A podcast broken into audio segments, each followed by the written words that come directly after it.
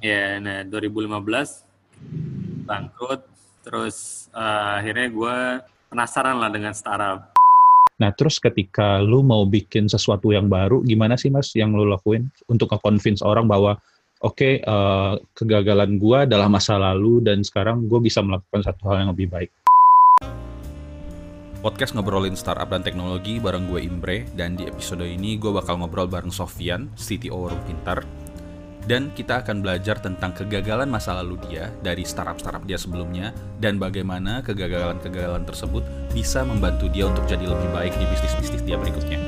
Ada banyak hal yang gue pelajari di episode ini, jadi jangan ke mana-mana, dengerin terus podcast ngobrolin startup dan teknologi. Halo Mas Sofian, apa kabar? Halo, halo, apa kabar? Baik, baik. Akhirnya setelah uh, kita janjian cukup lama, akhirnya baru sekarang uh, sempat untuk rekaman podcast. Uh, makasih banget buat waktunya. Dan hari ini sebenarnya gue pengen nanya-nanya banyak hal tentang pengalaman lo sih karena terus terang waktu itu gue uh, ketika ngeliat lo presentasi di event yang di Palembang waktu itu lo sempat cerita tentang experience lo ngejalanin startup, ngebangun startup, gimana jatuh bangunnya dan kemudian gue uh, gue rasa itu bisa jadi experience yang menarik juga untuk banyak orang supaya bisa belajar dari lo juga sih sebenarnya. Nah, tapi sebelum kita ke sana, Uh, kalau boleh kenalin diri dong dikit, walaupun gue tahu orang sebenarnya di luar sana udah banyak yang tahu sama lo. boleh, boleh, boleh. Uh, ya, halo uh, semuanya, uh, nama gue Sofian Hadi Wijaya. Uh, nickname gue di internet biasanya Sofian HW, S O F I A N H A W. Uh, ya, yeah. gue lima tahun belakangan berkecimpung di dunia startup, uh, keluar masuk startup dan beberapa kali bikin startup Uh, beberapa di antaranya ada Kudo, ada Pinjam, ada Notflux, ada Kata.ai, ada Gojek, dan sekarang terakhir bikin Warung Pintar. Dan yang so far paling berhasil adalah Warung Pintar? So far, uh, nggak tahu ya, kalau in terms of team mungkin iya, tapi kalau yang paling lama, uh, gue sempat bikin software house tiga tahun sih. Itu tahun berapa mas? Tahun 2012 sampai tahun 2015. Lu tahun berapa sih mulai-mulai uh, maksudnya kayak berkecimpung di dunia software kayak kayak gini? Iya, kalau software uh, mulainya dari ini sih, dulu ngerjain tugas mahasiswa dan ngajar di Binus Center itu mungkin yang formal ya. Uh, gue ngajar di Binus Center itu mulai tahun 2008 ya. Itu gue gue 2007 ya, berarti tingkat dua ya? Iya, tingkat dua, tingkat dua lah. Oke. Okay. Dan jurusan gue bukan IT ya, bro. Gua jurusan apa sih emangnya? Oh, teknik industri. Gue. Iya. Oh, sih gue baru tahu ini. Tapi lah terus lu ikut hackathon selama ini maksud lu lu berarti belajar otodidak banget ya? Iya, otodidak. Terus kenapa lu masuk industri, Mas? Apakah lu baru tahu waktu itu software eh, apa sih? Computer science itu setelah lu masuk industri atau gimana? Uh, nah, sebenarnya kalau flashback gue seneng sama game sih waktu kecil. Okay. Dan robot lah, cita-cita gue bikin game dan robot gitu. Mm-hmm. Nah, tapi entah kenapa waktu SMA, ya ini ya mungkin lu kalau nggak dapat mentor yang baik kayak gini ya. Jadi gue nggak tertarik sama komputer sih jadinya waktu gue di SMA. Karena gue oh. paling bego lah pelajaran komputer. Sama bahasa okay. Inggris bro. Jadi dua mata pelajaran yang gue gagal lah. Nah, dari situ akhirnya gue ikutan temen sih temen dulu mikir bilang kayak oh ya uh, lu bakal jadi mentornya teknik nih kalau masuk teknik industri. Lu hmm. bakal bisa ngatur semua anak teknik lah gitu. Akhirnya gue nyemplung ke teknik industri bro. Oh gitu. Oke oke oke oke oke oke. Nah terus kapan pertama kali lo uh, mulai bikin startup mas? Uh, kalau bikin startup kalau pengertian startup zaman now ya uh, ya baru pas uh, yang dapat funding itu pas pinjam sih 2016. Pas pinjam sebelum itu tapi udah ada yang lo bikin-bikin. Ya, sebelum itu gue 2009 bikin RTRWNet di Binus. Mm-hmm. Uh, sekarang udah jadi ISP, udah punya license dan kita udah punya kabel bawah tanah lah dari Singapura ke Indonesia. Uh, okay. Setelah itu gue sempat tadi yang gue bilang gue bikin software house uh, 2012 itu uh, namanya Crazy Hackers masih sampai sekarang masih ada websitenya. Uh, di situ Tapi juga masih jalan. Masih masih kayaknya. Gue nggak tahu sih jalannya gimana. Tapi itu itu dulu salah satu makerspace yang lumayan terkenal di zamannya sih bro. Oh iya iya iya. iya. Jadi kita punya 3D printer dan segala macam lah. Waktu gue masih mainan Arduino dan Raspberry Pi. Ya, nah 2015 bangkrut. Terus uh, akhirnya gue penasaran lah dengan startup. Nah, gue stop dulu di sana sebelum masuk startup. Uh, menurut lo kenapa bisa bangkrut, Mas? Kenapa bisa bangkrut ya? Ya, Yeah. ini pengalaman yang seru sih. Yang pertama, eh, anak-anak muda lah, terus bikin usaha ya. Eh, Yeah. Yang pertama tuh kita nggak punya pemikiran apa ya, nggak ngerti tentang finance lah. Mhm. Jadi eh, menurut gua dulu masalah utama kita yang pertama adalah cash flow sih. Oke. Masalah yang kedua adalah eh, sombong sih. sombong sombong gimana? Ya, jadi kayak tahun pertama tuh kita dapat banyak project bro, terus kayak ngerasa kaya gitu kan. Terus Oke. karena ngerasa kaya akhirnya kayak awalnya di ruko kan, jelek banget kantornya kayak, wah ini kayaknya kita bisa ngantor di yang tempat lebih bagus lagi deh. Akhirnya kita sewa di Rasuna Said satu lantai. Itu kosnya jadi yang awalnya harusnya 20-30 juta per tahun jadi 80 juta per bulan gitu. Jauh banget ya. Iya, terus soalnya kita bikin kantor yang fancy banget lah, ada ada ada tempat ayunannya, ada tempat apa? eh, podiumnya gitu-gitu sih.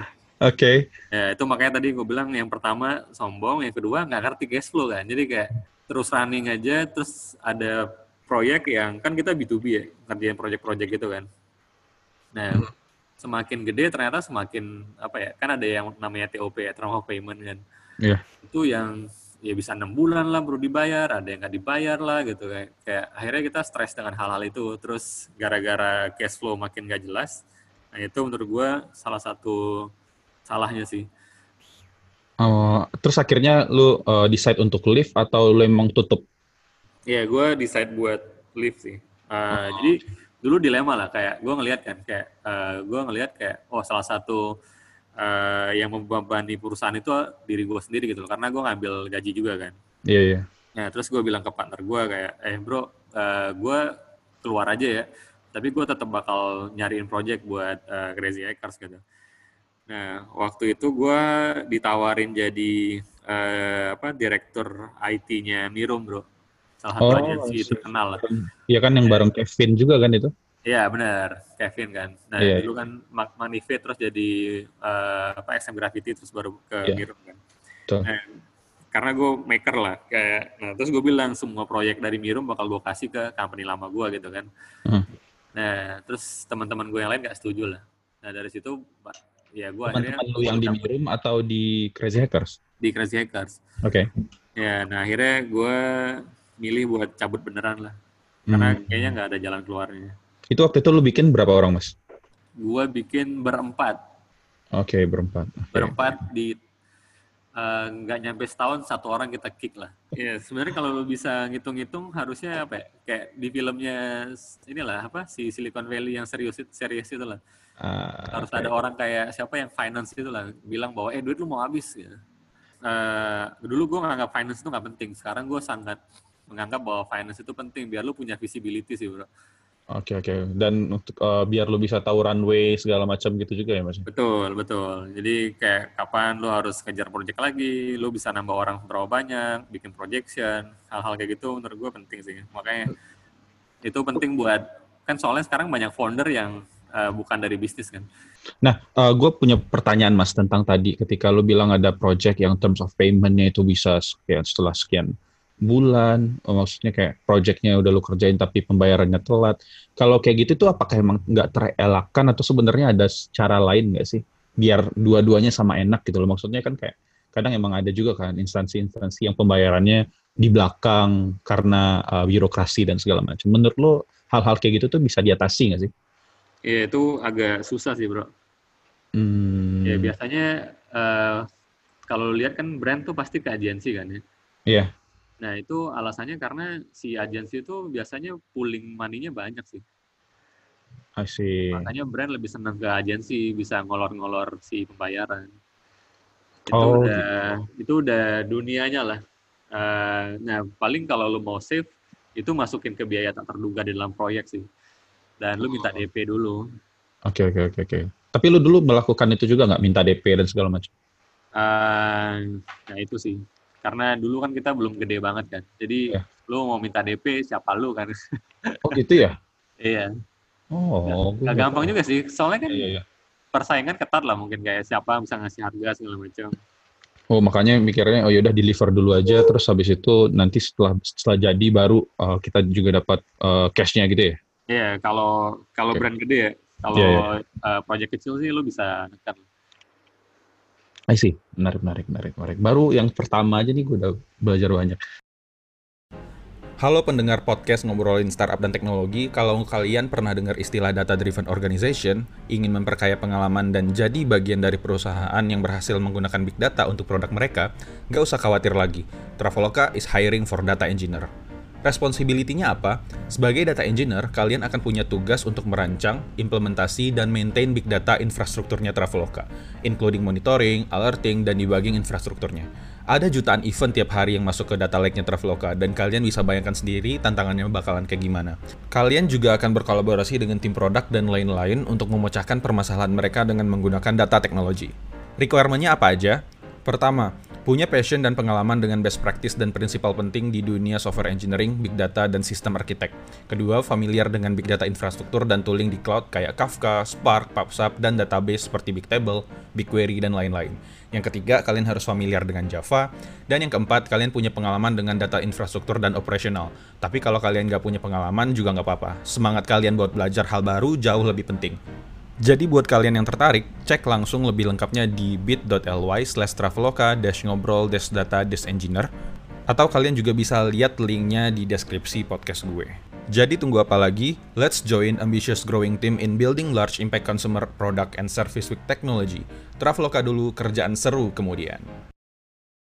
Nah, seterusnya setelah lu resign, lu abis itu ke mana lagi, Mas? Apa yang lu lakukan uh, dengan Ya, journey lu? Jadi gue ngeliat lah kayak kan 2015 itu lumayan banyak lah kan eh, istilah startup itu nongol lah.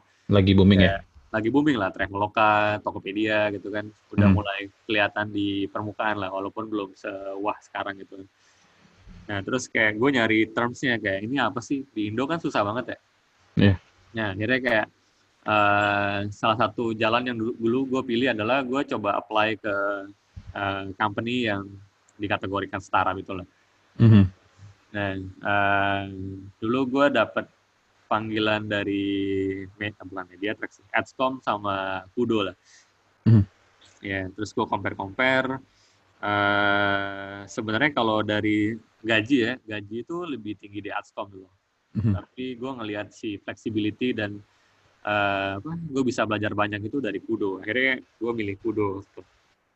Karena di Kudo Iya, iya, iya. gue gue bisa duduk sebelahnya Albert kan Albert Lucius kayak Hmm. eh, CEO-nya Kudo waktu itu. Jadi gue banyak belajar lah dari eh, dari Kudo. Jadi gue ngelihat oh cara dia nge-manage cash-nya cara dia eh, bermain dengan valuasi eh, ngobrol dengan investor terus cara manage timnya gitu. Kayak oh ini kayak sesuatu yang beda dari eh, apa yang gue alami selama ini lah. Kayak Hmm. ternyata lo ketemu investor itu bukan ngomongin ROI gitu loh. Terus kayak duit itu bukan ternyata bukan hutang gitu. Jadi kayak eh, ini hal yang baru lah buat gue kayak selama gue jadi pengusaha itu kayak nonsen lah bro. Lo dikasih duit tapi eh, apa yang diharapkan cuma growth gitu loh bukan duitnya balik.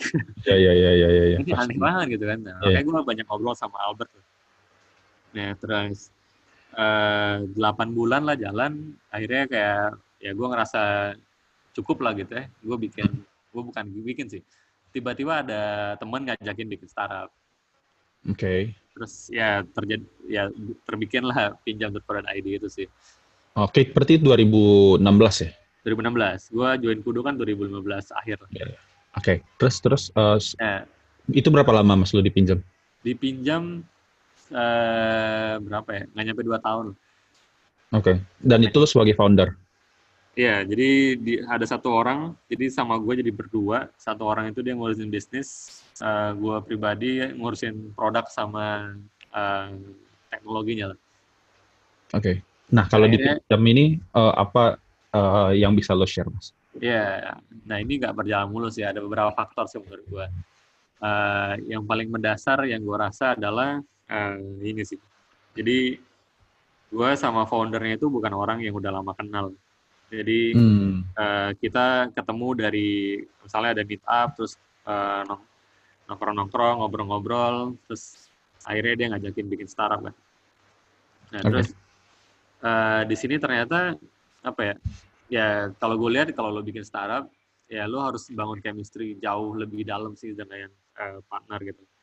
Nah, Mhm. karena ternyata ada banyak hal-hal yang tidak terduga lah. Gue nggak tahu kapan dia marah, gue nggak tahu, mungkin dia juga nggak tahu secara emosinya gue. Akhirnya kita Hmm. banyak berantem uh, di di meja meeting. Uh, Hmm, terus, oke. nah ini impact ke tim sih menurut gue. Uh, akhirnya timnya juga galau lah. Ini dua orang kenapa sih? Nah, itu uh, itu yang pertama lah. Terus yang kedua, uh, menurut gue ya bad investor juga sih. Oh, Oke. Eh, kenapa menurut lu eh, bisa lu kategorikan seperti itu? Ya, soalnya dulu kayak kita dikontrol lah.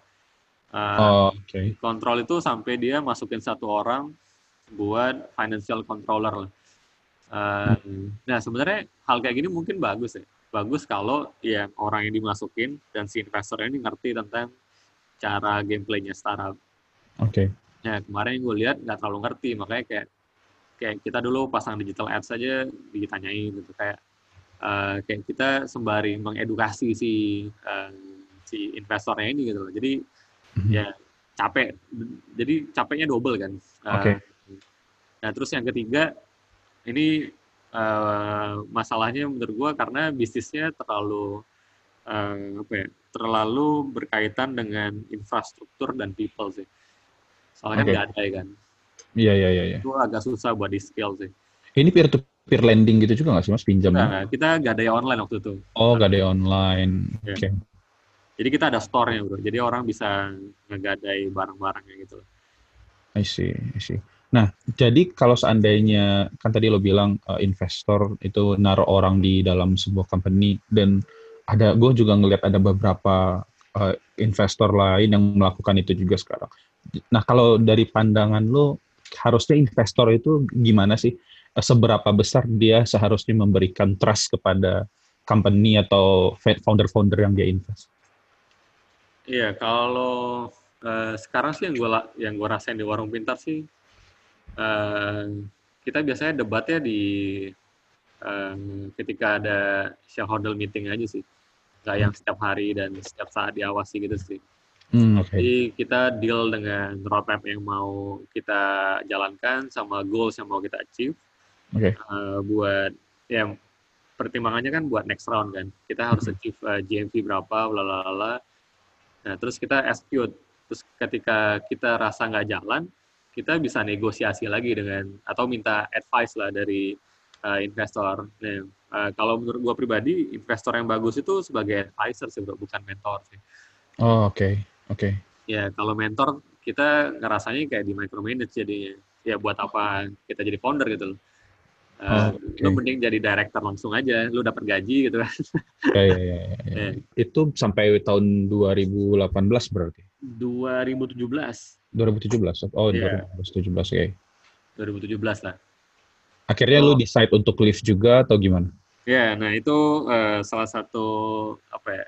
Ya gue ngelihat kayaknya ini nggak sehat lah. Jadi kayak eh, kayaknya gue harus ngambil action segera. Terus juga gue ngerasa juga buat apa ya? Gue harus belajar lagi ketika startup gede itu gimana cara nge-handle tim dan eh, apa sih yang terjadi ketika startup udah gede lah. Oke, oke. Nah akhirnya gue keluar, eh, ya itu, nah ini dark side startup ya, kayak eh, kan ada yang namanya eh, apa namanya testing period dan segala macam. Hmm. Nah kayak kayak kalau pesan gue sih kalau lu berasal dari engineering ya lu harus mempelajari legal sistem legalnya sih. Iya. Kayak kira-kira lu dapatnya berapa, gimana prosesnya, ada legalitasnya apa enggak. Eh, soalnya kadang-kadang kita engineer tuh kayak loose aja ya. Kayak kita percaya aja, oh ya pasti diurusin loh gitu. Ya, eh, kemarin karena gue nggak terlalu concern ke sana, akhirnya ya eh, semuanya lepas begitu aja lah. Oh, I see. Oke. Eh, ya mau company ini running apa enggak, atau company ini jadinya dibeli sama orang, jadinya kayak eh, hilang begitu aja lah. Oh, oke, Nah, oke. tapi yang paling penting juga eh, apa ya? Ini masalah kehilangan gitu. Tapi bisa jadi ntar company ini banyak utang. Nah, lu harus coba ngelepas semua nama lu dari uh, legalitas sih. Ya, jadi uh, takutnya uh, soalnya terjadi di salah satu temannya kita lah. Nah itu okay. lo harus segera bersihin nama lo dari semua legalitas uh, biar kalau ke depan si company ini terjadi apa-apa lo nggak ikutan.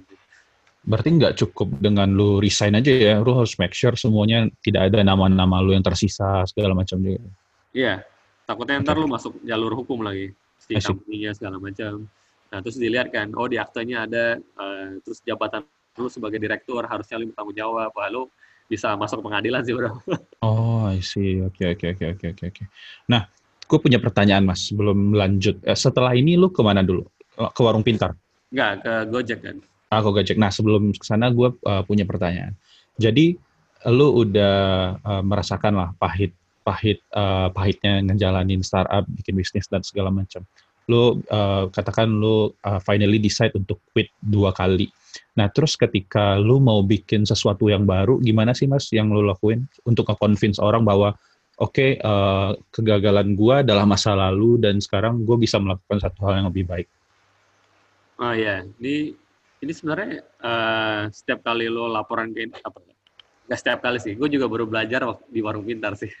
Oke. Okay. Jadi kayak uh, orang itu akan senang ketika lu bisa dapat learnings dari semua uh, mistake yang lu bikin lah.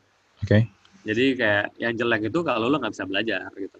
Nah, hmm. kayak kayak misalnya kayak sekarang lah, gue uh, selalu uh, refleksi kayak kayak apa sih yang dulu, kenapa sih gitu.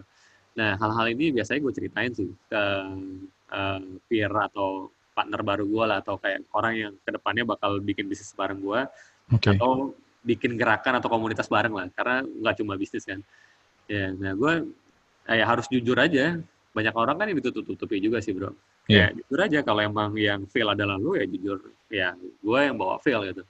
Yeah. ya uh, terus kayak failnya kenapa terus uh, learning apa yang bisa lu uh, dapetin dari situ. Nah itu itu pelajaran yang penting sih. Terus yang kedua ya semangat sih. Semangatnya nggak boleh putus aja. Terus kayak lu harus terus ikutin apa yang terjadi sekarang terus punya visi yang uh, lebih ke depan aja sih Oke, berarti keterbukaan banget ya dengan investor atau dengan fund, uh, founder lu yang baru ya? Iya, transparansi sih itu penting banget sih. Isi, isi, isi. Nggak peduli seberapa buruknya masa lalu, dan penting ke depannya lu udah tahu lah apa yang bisa diperbaiki ya. Asik. Iya, takutnya okay. ntar udah jalan bareng ternyata, eh lu kayak gini ya, aduh. Ya, jadi ini penting banget sih kayak kayak nikah lah bro. ya ya ya, nggak bisa tiba-tiba besoknya lu ngajak orang nikah gitu ya. Iya, bisa kan. Harus coba apa pendekatan dulu, tahu apa gitu, memahami biar nggak berantem mulu kan. Oke. Okay. Nah, tadi lu dari yang uh, software house lu, lu join ke tempat lain dulu, ke Kudo, habis itu dari Kudo lu bikin startup lagi, terus lu tadi lu bilang ke Gojek. Di, terus di Gojek lu uh, juga melakukan hal yang sama, maksud gua lu belajar lagi dari orang-orangnya dan itu gimana ceritanya, Mas? Ya, ini menarik sih. Ya, benar sih. Salah satu mentor gua ya si Kristal Wijaya sih eh, nggak uh, bisa dibungkiri lah. Kayak uh, the way dia uh, organize dokumen menurut gue bagus banget sih. Uh, nah itu yang gue suka sih. Jadi uh, dan sekarang gue terapin di warung pintar lah. Kayak ada onboarding ada kayak semua prosesnya tuh terdokumentasi. Uh, nah itu yang gue ngelihat kayak oh kalau uh, company udah gede uh, lu bakal susah kalau nggak ada dokumentasinya. Uh, orang baru masuk susah juga. Terus company udah gede butuh yang namanya culture gitu kayak uh, lu nggak bisa orang kerja semena-mena gitu kayak uh, karena semuanya kan udah kayak apa ya uh, gede banget lah kayak salah satu fungsi gagal itu bisa ngerembet ke hal yang lain gitu. Oke. Okay. Nah jadi pertama gue belajar tentang uh, leadership di sana. Uh-huh. Uh, kan dari dulu tim gue nggak pernah gede lah. Yeah. Iya. Uh, tim yang gue lead paling ya nggak lebih dari 20 orang gitu. Ya, pas masuk Gojek kan tuh gede banget. Gue hmm. dulu bareng sama Kristal tuh ada 60 orang kayaknya under kita. Yeah. Jadi kayak uh, eh, gue ngeliat oh cara distribute uh, apa namanya kayak uh, backlog atau apa. Nah itu harus lebih jelas sih. Terus kayak gimana caranya ngatur, gimana caranya eh, bukan slang, organize team. Nah itu itu penting banget sih. Nah di samping itu gue belajar juga di engineeringnya sih. Ya, jadi kayak menurut gue Bang Alun itu keren sih engineer-nya.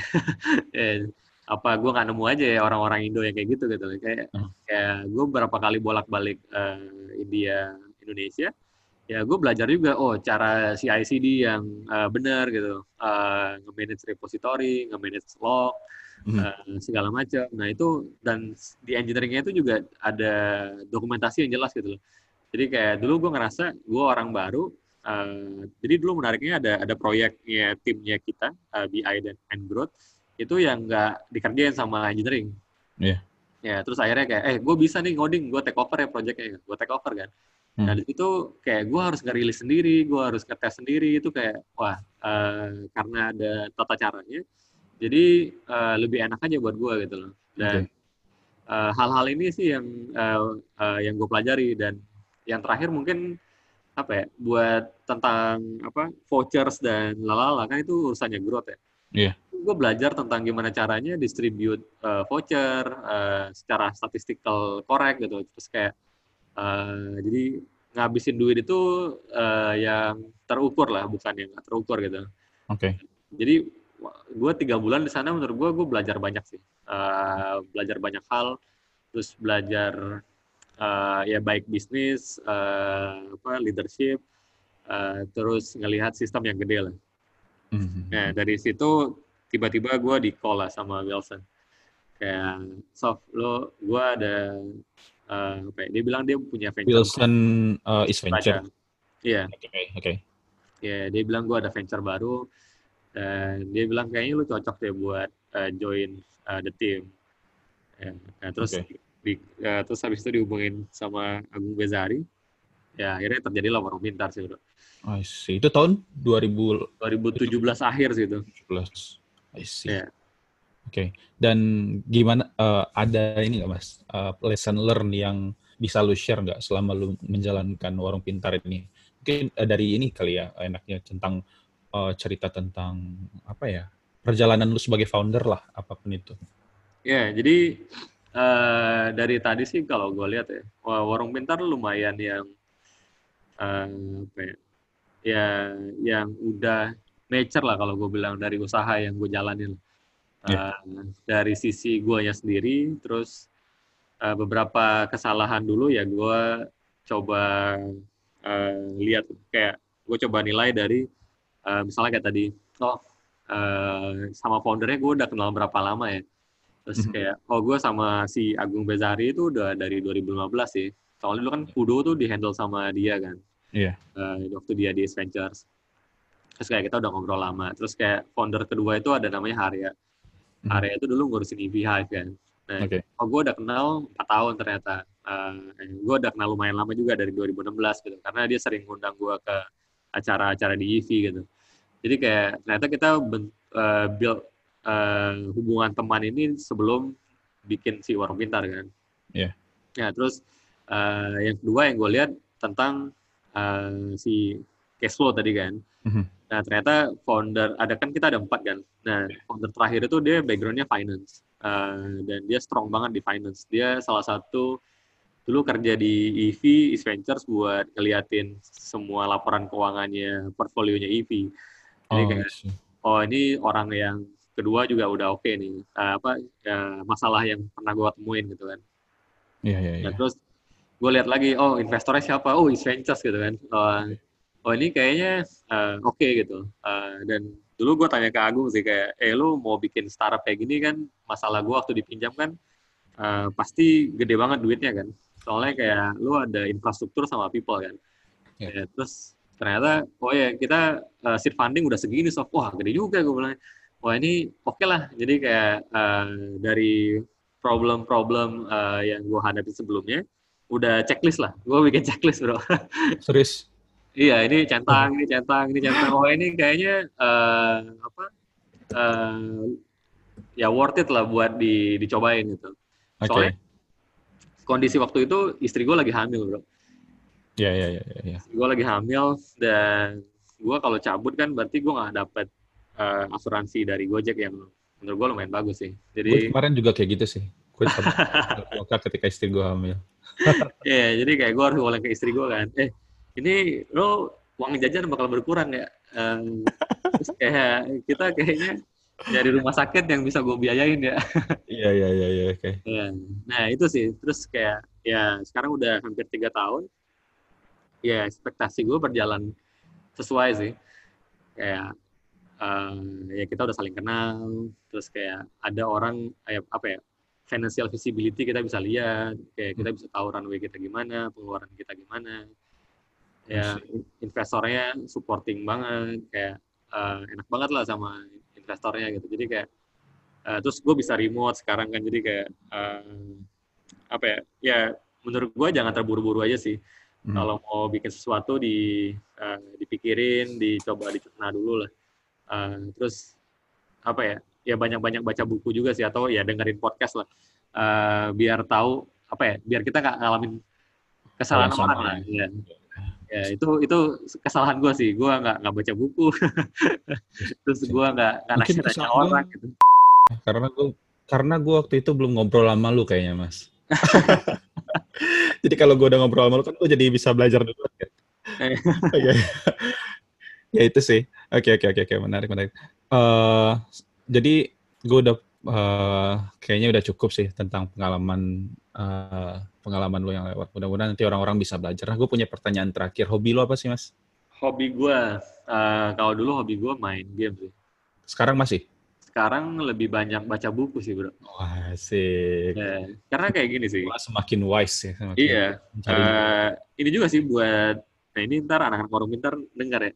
Uh, lebih ke buat ini sih lo kalau bisa dapat respect sih menurut gue kalau lo banyak ilmunya terus uh, terus itu tuh bukan opini lo doang. Oke. Okay. Tapi opini yang uh, lu bangun dari resource yang lu baca sih. Oke. Okay. Buku apa yang bisa lu rekomendasikan untuk orang-orang yang mungkin lagi mulai bikin startup atau tentang bisnis atau apa pun itu? Ya, kalau dia backgroundnya eh, engineering. Yeah. Uh, gue kemarin ada buku namanya Visual MBA sih kalau nggak suka baca. Jadi ada banyak gambar dan ceritanya juga. Visual MBA. Iya, jadi buat memahami cara bisnis jalan sih. Oke. Okay. Ya. Okay. Terus kayak kalau yang dia non engineering apa ya? Mungkin baca buku chaos-chaosnya The Phoenix Project gitu ya. Hmm. Atau The Mythical Man Man lah buat biar tahu uh, apa nggak nggak segampang itu gitu loh buat bikin sesuatu. Iya. Yeah. Dan kalau yang general mungkin ada blitz scaling sih. Iya iya iya oke oke oke oke. Ingat semuanya tolong dicatat apa aja buku-buku yang udah dibilang sama Sofian. uh, sip. Dari gue itu aja sih Mas. Uh, makasih banget buat waktunya. Akhirnya bisa ngobrol. Uh, mudah-mudahan bermanfaat juga untuk semuanya. Nanti kalau ke Jakarta kita ngobrol-ngobrol lagi lah. Siap. Uh, kalau ada yang pengen nanya ke gue directly ya cari aja ya. Gue gampang kok dicari di internet. Iya. Uh, paling gampang carinya di mana? yang paling gampang gue paling sering sekarang ya kan kalau nggak punya nomor susah ya ya Telegram ya, Instagram aja lah oke okay, oke okay. Instagram lo apa ke LinkedIn ya Sofian HW Sofian HW S O F I A N H W oke okay, sip Uh, thank you mas. Nah uh, itu aja dari gue. Makasih untuk semua yang udah denger. Uh, kalau seandainya kalian punya feedback atau punya saran tentang siapa yang akan uh, kita ajak ngobrol berikutnya, kasih tahu gue di Twitter @imbrenagi. Dari gue itu aja. Terima kasih uh, yang udah dengerin. Assalamualaikum warahmatullahi wabarakatuh. Thank you Mas Sofian. Thank you, thank you.